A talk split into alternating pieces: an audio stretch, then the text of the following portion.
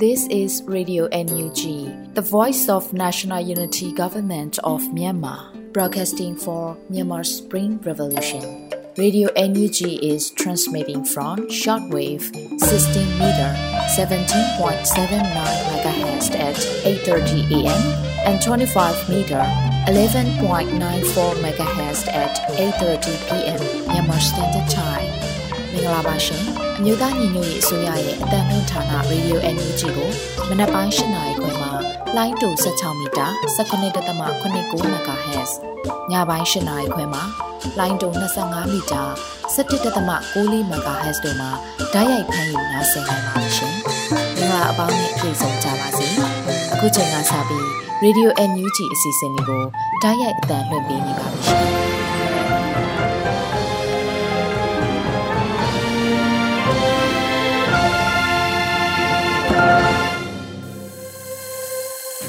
န်မာနိုင်ငံသူနိုင်ငံသားအပေါင်းတဘာဝဘေးစစ်အာဏာရှင်ဘေးတို့ကနေကင်းဝေးပြီးကိုစိတ်နှပါအေးချမ်းလုံခြုံကြပါစေလို့ရေဒီယို NUG ကဦးစွာပထမနှုတ်ခွန်းဆက်သအပ်ပါတယ်။ဒီကနေ့2024ခုနှစ်ဖေဖော်ဝါရီလ17ရက်နေ့ရေဒီယို NUG ညပိုင်းအစီအစဉ်တွေကိုစတင်တင်ဆက်ပြီးတော့မှာဖြစ်ပါတယ်။ခုပထမဆုံးရေဒီယို NUG စီးရဲသတင်းကောက်နှုတ်ချက်ကိုရန်နိုင်ကတင်ပြပေးမှာဖြစ်ပါတယ်ရှင်။ရေဒီယို NUG သောရရှင်များမင်္ဂလာပါခင်ဗျာ။ခုချိန်အစပြီး 2024ခုနှစ်ဖေဖော်ဝါရီလ17ရက်နေ့ညပိုင်းမှာတင်ပြပေးမယ်။ Radio NUG စစ်ရေးသတင်းများကိုကျွန်တော်ရန်နိုင်ကဖတ်ကြားတင်ပြပေးသွားမှာဖြစ်ပါတယ်။ပထမဆုံးတင်ဆက်ပေးခြင်းတဲ့စစ်ရေးသတင်းကတော့စစ်မှုထမ်းဥပဒေဟာအကြမ်းဖက်စစ်ကောင်းဆောင်နဲ့စစ်ကောင်စီအတွက်ညီကုန်းဤအဆုံးသက်လို့ဗိုလ်ချုပ်ကံမော်ပြောကြားတဲ့သတင်းပဲဖြစ်ပါတယ်။အာဏာသိမ်းစစ်ကောင်းဆောင်အတီးပြုထုတ်ပြန်လိုက်တဲ့စစ်မှုထမ်းဥပဒေဟာအကြမ်းဖက်စစ်ကောင်းဆောင်နဲ့စစ်ကောင်စီအတွက်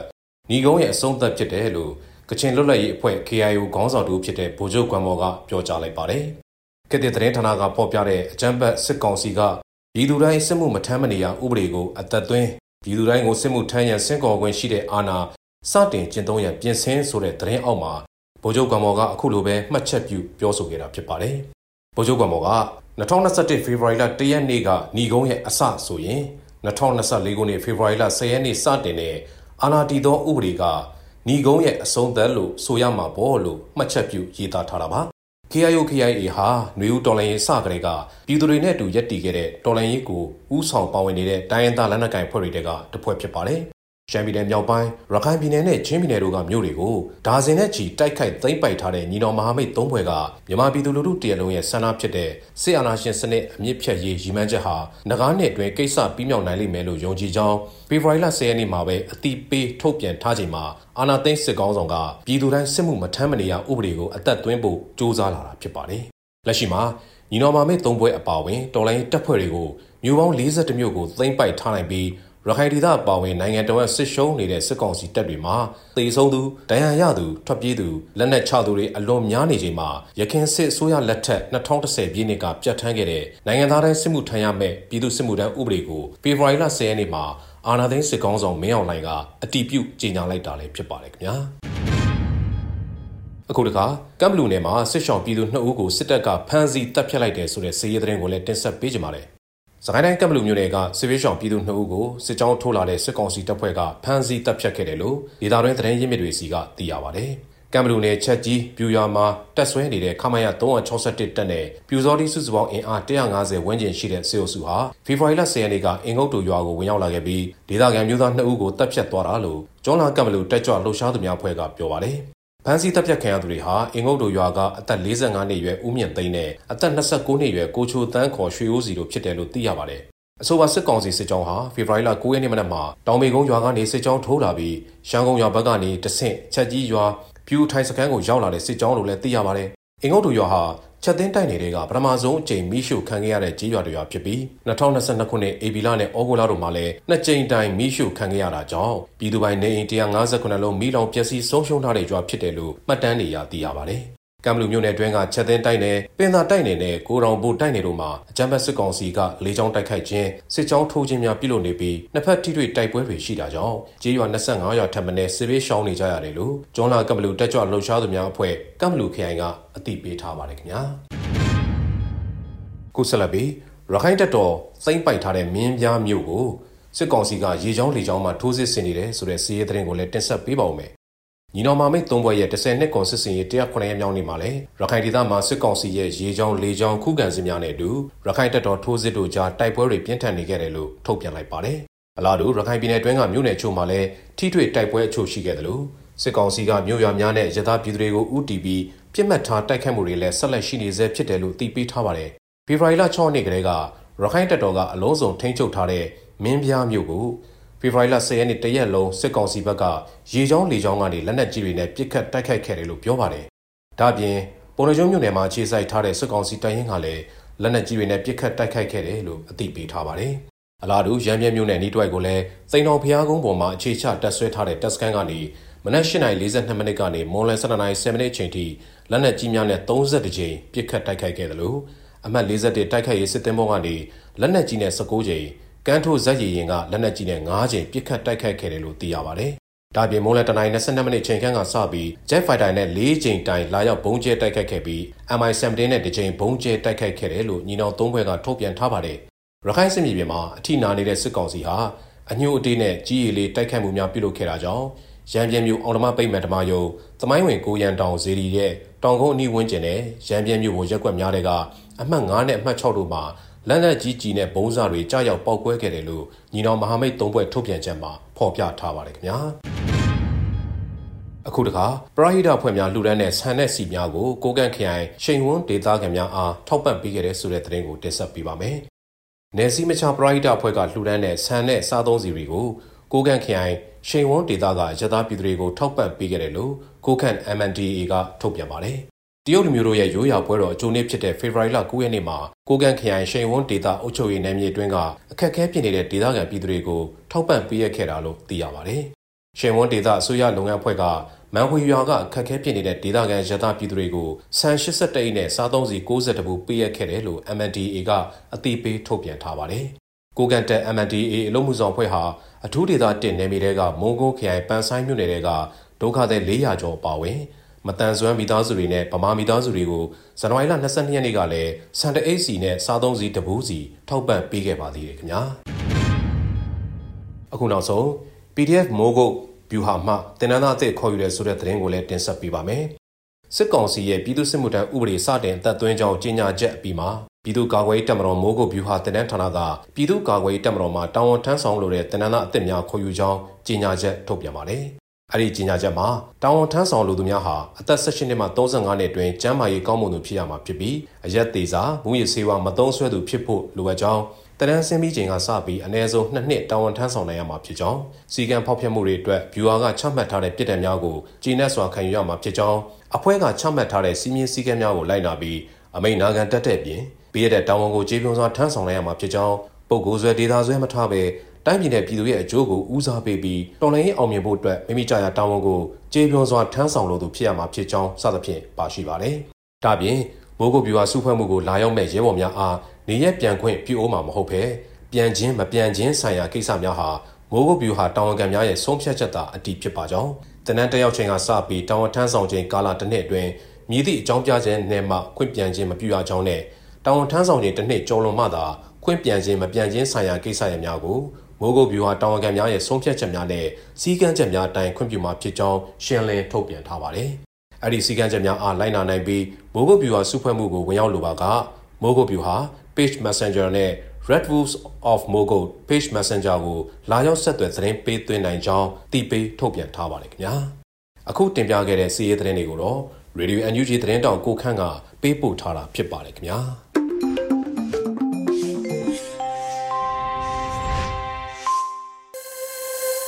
Radio NUG သောတာရှင်များရှင်စီးရီးသတင်းကောက်နှုတ်ချက်တွေကိုနားဆင်ရပြီးမှတော့ပြည်တွင်းသတင်းများကိုရန်နိုင်ကတင်ပြပေးအောင်မှာပဲဖြစ်ပါတယ်ရှင်။ Radio NUG သောတာရှင်များမင်္ဂလာပါခင်ဗျာ။ခုချိန်အစပြီး2024ခုနှစ်ဖေဖော်ဝါရီလ17ရက်နေ့ညပိုင်း Radio NUG ပြည်တွင်းသတင်းများကိုကျွန်တော်ရန်နိုင်ကတင်ဆက်ပေးပါတော့မယ်။ပထမဆုံးတင်ဆက်ပေးခြင်းတဲ့သတင်းကတော့အကြံဖက်စစ်အုပ်စုရဲ့သတင်းပေးအဖြစ် သွတ်သွင်းအသုံးချခြင်းမှာရုံထွက်ကြရန်နိုင်ငံရေးပါတီများကို NUCC နဲ့ NUG သတိပေးတဲ့သတင်းကိုတင်ဆက်ပေးကြပါမယ်။အကြမ်းဖက်စစ်အုပ်စုကသတင်းပေးဖြစ်သွတ်သွင်းအသုံးချနေတာကနေရုံထွက်ကြဖို့နိုင်ငံရေးပါတီတွေကိုမျိုးသားညီညွတ်ရေးအတိုင်းအမြံကောင်စီ NUCC နဲ့မျိုးသားညီညွတ်ရေးဆိုရ NUG တို့ကသတိပေးပြောကြားလိုက်ပါတယ်။အကြမ်းဖက်စစ်အုပ်စုခေါင်းဆောင်မင်းအောင်လှိုင်ကနိုင်ငံရေးပါတီဥက္ကဋ္ဌများဒုတိယဥက္ကဋ္ဌများတာဝန်ရှိသူများနဲ့တွေ့ဆုံရမှာနိုင်ငံရေးပါတီတွေအနေနဲ့ဆီယနာရှင်စနစ်ခြုံငင်းရေးအတွက် ဂျိုးပန်းဆောင်ရည်နေသူများအကြောင်းသတင်းပေးပို့ကြဖို့ပြောကြားခဲ့တာနဲ့ပတ်သက်ပြီး NUCC နဲ့ NUG ကသတိပေးတိုက်တွန်းလိုက်တာဖြစ်ပါတယ်။စစ်ကောင်းဆောင်မင်းအောင်လှိုင်ရဲ့ပြောကြားချက်ဟာနိုင်ငံရေးပါတီတွေနဲ့ပါတီဝင်တွေကိုအကြမ်းဖက်စစ်အုပ်စုရဲ့ဖိနှိပ်ရေးရန်ရာမှာထောက်တိုင်အဖြစ်အသုံးချဖို့ရည်ရွယ်တာဖြစ်တယ်လို့ NUCC နဲ့ NUG ကသုံးသပ်ထားပါတယ်။နိုင်ငံရေးပါတီတွေဆိုတာဟာနိုင်ငံရေးကိုစားပြုခြင်းနိုင်ငံရေးသမားများကိုလေ့ကျင့်သင်ကြားခြင်းနိုင်ငံရေးပါဝင်မှုမြင့်တင်ခြင်းရွေးကောက်ပွဲမှာနိုင်ရပါကအစိုးရဖွဲ့ခြင်း မူဝါဒရေးရာများအဆိုပြုခြင်းနဲ့အကောင့်ထဲပေါ်ဆောင်ခြင်းနိုင်ငံရေးသိပညာပေးခြင်းနဲ့ရွေးကောက်ပွဲများမှာပါဝင်ရှင်ပြိုင်ခြင်းစတဲ့လုပ်ငန်းတာဝန်တွေကိုဆောင်ရွက်ရတဲ့နိုင်ငံရေးဖွဲ့စည်းတွေဖြစ်တယ်လို့လည်းအသိပေးထားပါတယ်။အကြံဖက်စစ်ကောင်ဆောင်ရဲ့ပြောကြားချက်ဟာနိုင်ငံရေးပါတီတွေရဲ့နိုင်ငံရေးရာလုပ်ငန်းတာဝန်များကိုအသိမှတ်မပြုတဲ့ပြင်နိုင်ငံရေးပါတီခေါင်းဆောင်တွေနဲ့ပါတီဝင်တွေကိုလည်းအကြမ်းဖက်စစ်အုပ်စုရဲ့သတင်းပေးများသဖွယ်အုံပြုရန်ကြိုးပမ်းနေခြင်းအကြမ်းဖက်စစ်အုပ်စုရဲ့ပြည်သူ့လုံခြုံရေးနဲ့ ပြည်သူ့ကာကွယ်ရေးစနစ်အမိခံလက်ကင်တုံများဖြင့်အုံပြုရန်ရည်ရွယ်ခြင်းဒီမိုကရေစီကိုပုံဖြတ်တဲ့တမိုင်းတရခံပါတီများဖြစ်သွတ်သွင်းခြင်းဖြစ်တာကိုထင်ရှားနေတယ်လို့ NUCC နဲ့ NUG တို့ကထောက်ပြထားပါတယ်။ဒါကြောင့်အကြံဖက်စစ်အုပ်စုကဖွဲ့စည်းထားတဲ့အတူရောင်ရွေးကောက်ပွဲကော်မရှင်မှာနိုင်ငံရေးပါတီများအဖြစ်မှတ်ပုံတင်ထားတဲ့နိုင်ငံရေးပါတီခေါင်းဆောင်တွေနဲ့ပါတီဝင်တွေအနေနဲ့အကြံဖက်စစ်အုပ်စုရဲ့အကြံဖက်လုပ်ငန်းတွေမှာသတင်းပေးများဖြစ်ပါဝင်ဆောင်ရွက်ပြီးပြည်သူသစ္စာပေါက်ဘဝဖြစ်နေရခြင်းအ ကြံဖက်စစ်အုပ်စုရဲ့ဖိနှိပ်ရေးရန်ရာအတွင်းအစိတ်ပိုင်းအဖြစ်ပါဝင်သွားနိုင်ခြင်းတမိုင်းတရခံဖြစ်နေရခြင်းတို့ကနေလွတ်မြောက်ရေးအတွက်နိုင်ငံရေးပါတီများဖြစ်ကနေပတ်ပုံတင်မှုရုပ်သိမ်းခြင်းပါတီဝင်အဖြစ်မှနှုတ်ထွက်ခြင်းကင်းကွာပါတီဝင်များအဖြစ်ပြုမှုနေထိုင်ခြင်းတို့ပြုလုပ်ခါနိုင်ငံရေးဂုဏ်သိက္ခာကိုထိမ့်သိမ်းဆောင်ရှောက်ကြဖို့တိုက်တွန်းထားပါတယ်ခင်ဗျာအခုတခါမြို့သားညီညွတ်ရေးဆိုရမှာ86နှစ်မြောက်ကရင်မြို့သားနေ့အထိမ်းအမှတ်ခမ်းနားသို့တွန်းလွှာပေးပို့တဲ့သတင်းကိုလည်းတင်ဆက်ပေးကြပါမယ် 2024ခုနှစ်ဖေဖော်ဝါရီလ17ရက်နေ့မှာကြာရောက်တဲ့86နှစ်မြောက်ကရင်မျိုးသားတွေကိုမျိုးသားညီညွတ်ရေးဆိုရမှတဝန်လွှာပေးပို့ခဲ့ပါတယ်။တဝန်လွှာမှာယနေ့မှာကြာရောက်တဲ့86နှစ်မြောက်ကရင်မျိုးသားနေမှာကရင်တိုင်းသားများအားလုံးလိုလားတောင်းတလျက်ရှိကြတဲ့ဒိုင်းလူညီများပြီးကိုပိုင်ပြတ်ထန်းခွင့်နဲ့ဖက်ဒရယ်နှစ်သာရပြေဝတဲ့ကရင်ပြည်ကိုကရင်မျိုးသားအားလုံးရဲ့စုစည်းညီညွတ်မှုနဲ့ထူထောင်နိုင်ကြပါစေကြောင်းဆုတောင်းမေတ္တာပို့သအပ်ပါသည်။လွန်ခဲ့သောနှစ်ပေါင်း86နှစ်အတွင်းကရင်မျိုးသားများဟာ ပြည်ရင်းစစ်ရဲ့နေထိုင်ုံများကိုအလူလဲခန်းစားခဲ့ကြရပါသည်။သို့တော်လည်း86နှစ်တိုင်တိုင်မဆုံးမနစ်ဇွဲတက်တီဖြင့်ကရင်မျိုးသားတို့၏နိုင်ငံရေးမျှော်မှန်းချက်များအတွက်တိုက်ပွဲအဆက်ဆက်ဝင်လျက်ကြိုးပမ်းအားထုတ်ခဲ့ကြပါသည်1948ခုနှစ်ဖေဖော်ဝါရီလ17ရက်နေ့မှစ၍မြန်မာပြည်အနှံ့ရှိကရင်မျိုးသားများအားလုံးတောင်းဆိုခဲ့ကြသည့်ကရင်ပြည်ရရှိရေးမျိုးသားတန်းတူရေးလူမျိုးရေးပြည်ပခါများခြုံငင်းရေးနဲ့ငြိမ်းချမ်းရေးဖော်ဆောင်နိုင်ရေးစတဲ့တမိုင်းဝင်တောင်းဆိုချက်များသည် ယနေ့ပြည်သူ့နေဦးတော်လှန်ရေးအခင်းကျင်းတွင်အပြည့်အဝအကောင့်ထဲပေါ်နိုင်မည့်အခြေအနေသို့ရောက်ရှိနေပြီဖြစ်ပါသည်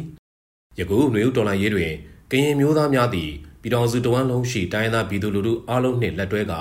နွေဦးတော်လှန်ရေးကြီး၏ပန်းနိုင်ဖြစ်သောစစ်အာဏာရှင်စနစ်အပါအဝင်အာဏာရှင်စနစ်မှန်သမျှခြုံငင်းရေးနှင့်ဒီမိုကရေစီရေးမျိုးသားတန်းတူရေးနှင့်ကိုယ်ပိုင်ပြဋ္ဌာန်းခွင့်အခွင့်အရေးများကိုအပြည့်အဝအာမခံချက်ရှိသော Federal Democracy ပြည်ထောင်စုတည်ဆောက်ရေးအတွက်အတူတကွလက်တွဲကြိုးပမ်းနေကြသည့်အတွက်လည်း များစွာလေးစားဂုဏ်ယူပါကြောင်းအမျိုးသားညီညွတ်ရေးဆွေးနွေးနေဖြင့်ဖော်ပြလိုပါသည်ပြည်တော်စုတဝမ်းလုံးအတူတကွဆင်နွှဲနေသောပြည်သူ့ຫນွေဦးတော်လှန်ရေးသည်ကရင်မျိုးသားများအတွက်သာမကမြန်မာတနိုင်ငံလုံးရှိပြည်သူများအတွက်အဆုံးသက်ပန်းတိုင်ဖြစ်သည်ကိုကောင်းစွာနားလည်လက်ခံလာကြပြီးဘုံသဘောတူညီချက်များလည်းချမှတ်လာနိုင်သည့်အတွက်ဝမ်းမြောက်ပီတိဖြစ်ရပါကြောင်းအလေးနက်ဖော်ပြလိုပါသည်ဘုံသဘောတူညီချက်များအတိုင်းဆက်လက်အကောင့်ထဲပေါ်ဆောင်ရွက်နိုင်ရန်မျိုးသားညီညွတ်ရေးဆိုရနေဖြင့် ကရင်မျိုးသားခေါင်းဆောင်ကြီးများနှင့်အပြည့်အဝပူးပေါင်းပြီးပြည်သူ့နေဦးတော်လှန်ရေးအမြန်ဆုံးအောင်မြင်ပြီးမြောက်စေရန်ကန္တာဘောင်းစုံမှပုံမလက်တွဲပူးပေါင်းဆောင်ရွက်သွားရန်ကြိုးပမ်းသွားမည်ဖြစ်ပါကြောင်းဖော်ပြရင်း86နှစ်မြောက်ကရင်မျိုးသားနေတုံလွန်အားပေးပို့အပ်ပါသည်ဟုပါရှိပါတယ်ခင်ဗျာအခုတင်ပြခဲ့တဲ့သတင်းတွေကို Radio NUG သတင်းတောက်ကိုခန့်ကပေးပို့ထားတာဖြစ်ပါတယ်ခင်ဗျာ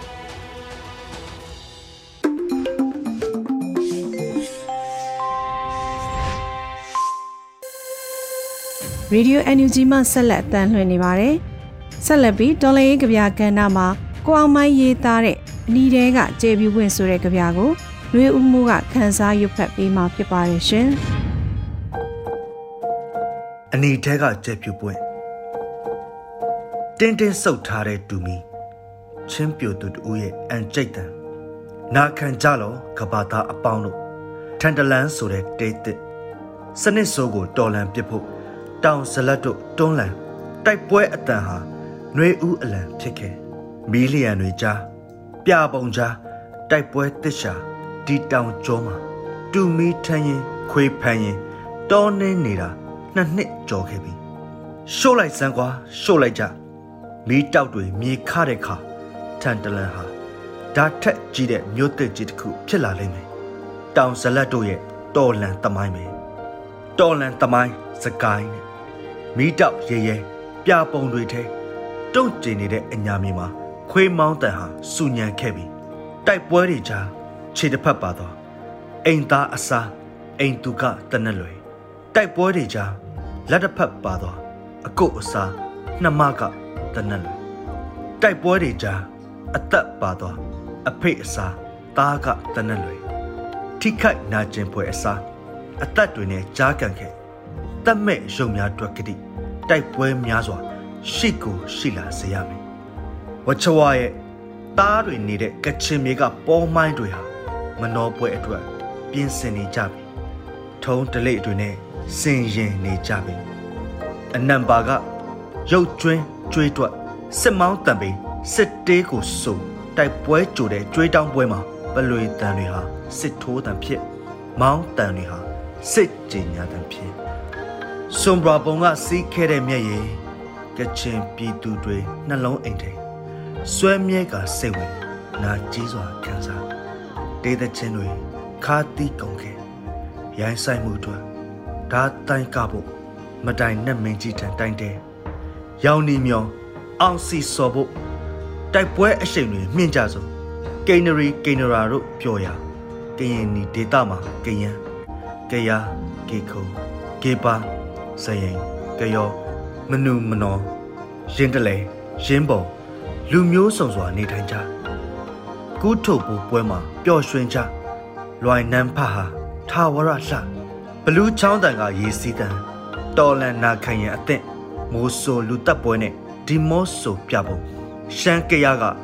နန်းနှင်းရွာလက်ဖက်ကောင်းထွက်တဲ့ရွာအေးချမ်းတာယာလှတဲ့ရွာဘုံတော်ကြီး၃ပါးရွာသား20ကျော် စုလိုက်ပြုံလိုက်တက်ဖြက်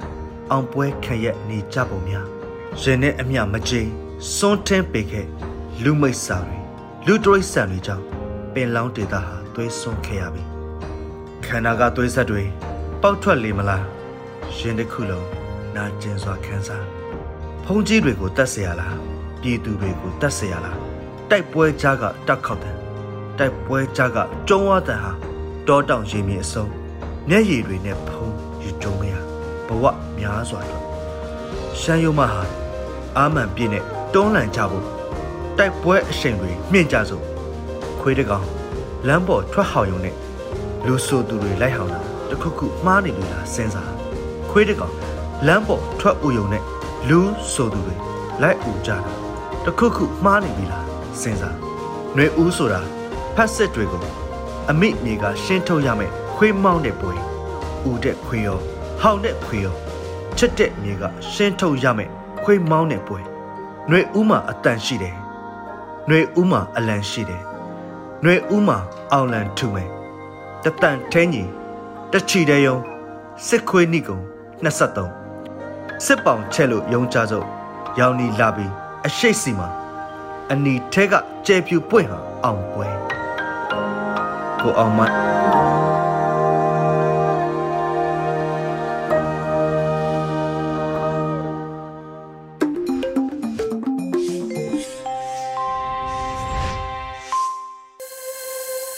ရေဒီယို NUG ကိုနားဆင်နေကြတာပါခုဆက်လက်ပြီးပြည်သူစစ်မှုထမ်းဥပဒေအသက်ဝင်ကြောင်းကြီးညာပဲခူးတိုင်းဇီယကြီးမြို့တဝိုက်ကတိုက်ပွဲတွေတွင်ရက်သားသေဆုံးမှုများပြားလို့ညီပေးထားတဲ့မြန်မာနွေခရိုနီကယ်မိုးမခသတင်းမြင်ကွင်းဆောင်းပါးလေးကိုတော့ကျမຫນွေဦးမွန်ကဖတ်ကြားတင်ပြပေးပါမယ်ရှင်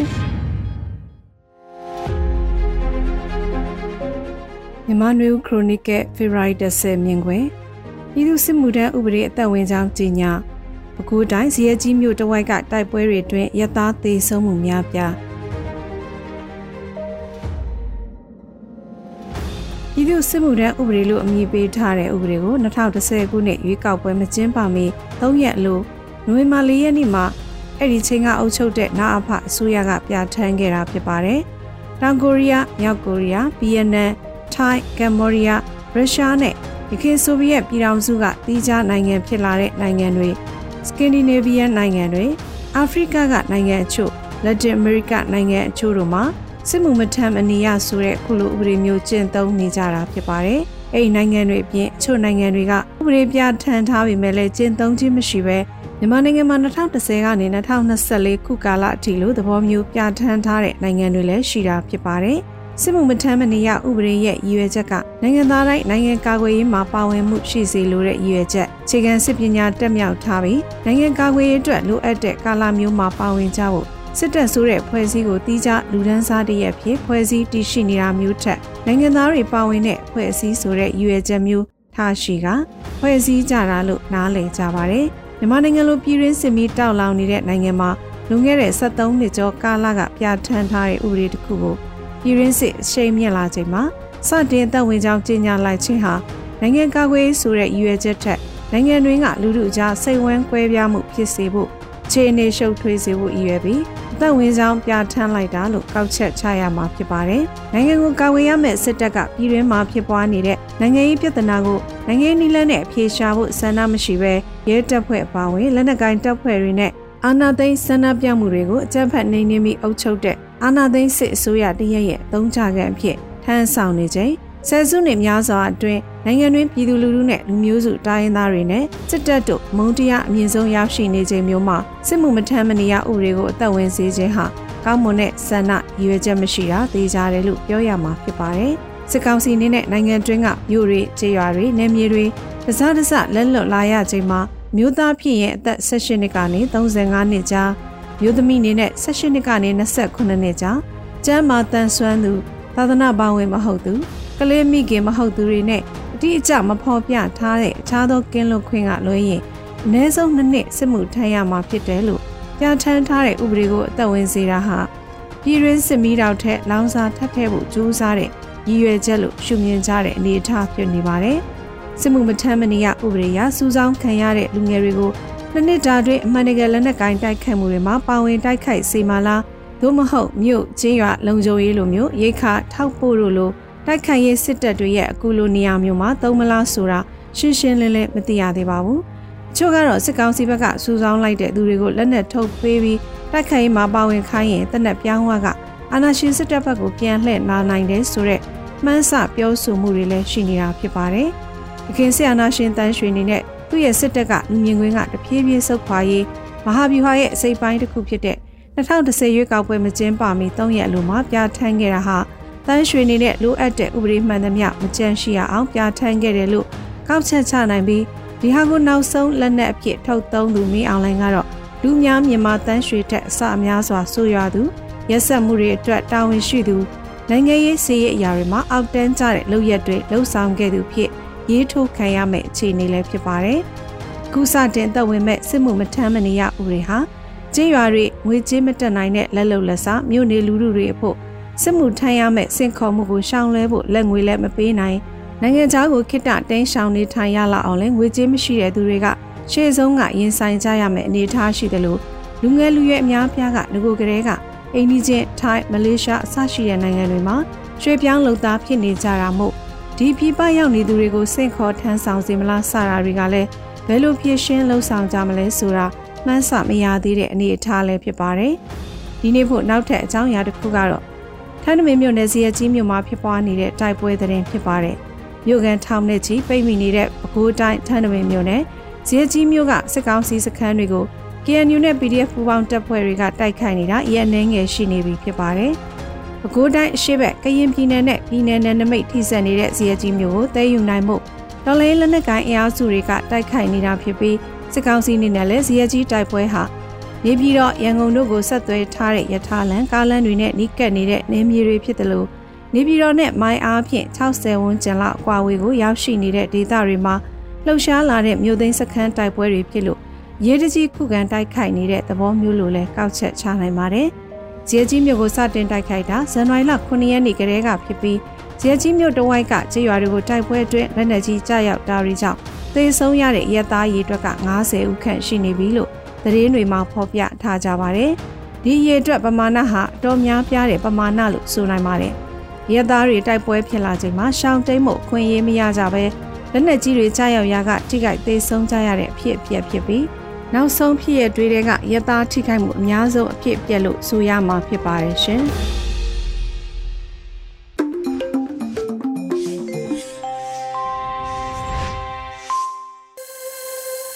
Radio NUG မှာဆက်လက်တန်လှည့်နေပါတယ်ဆက်လက်ပြီးတော်လင်းဒေဂီတာအစီအစဉ်ကိုနားဆင်ကြရပါမယ်တေးဆို Kelvin သိန်းရဲ့ PDF ဆိုတဲ့တေးသချင်းကိုခန်းစားနားဆင်ကြကြပါရှင်။။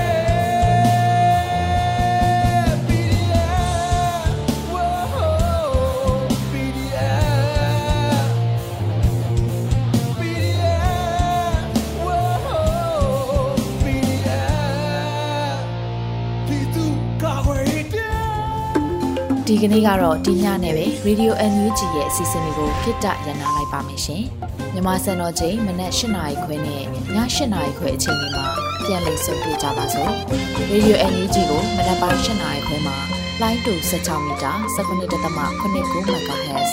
ညပိုင်း၈နာရီခွဲမှာလိုင်းတူ25မီတာ17.6 MHz တို့မှာဓာတ်ရိုက်ဖမ်းလို့နိုင်စေနိုင်ပါပြီ။ မြန်မာနိုင်ငံသူနိုင်ငံသားတွေကိုစိတ်နှပြကျန်းမာချမ်းသာလို့ဘေးကင်းလုံခြုံကြပါစေလို့ Radio NUG အဖွဲ့သူဖေသားတွေကဆုတောင်းမြတ်တာပို့တာနေပါတယ်ရှင်။မြေသားညီမတွေအစိုးရရဲ့စက်တော်ရင်သတင်းအချက်အလက်တွေလုပ်ပညာဝန်ကြီးဌာနကထုတ်လွှင့်နေတဲ့ Radio NUG ဖြစ်ပါတယ်။ San Francisco Bay Area အခြေစိုက်မြန်မာမိသားစုတွေနဲ့နိုင်ငံတကာကစေတနာရှင်တို့အားပေးနေတဲ့ Radio NUG ဖြစ်ပါတယ်။အရေးတော်ပုံအောင်ရမည်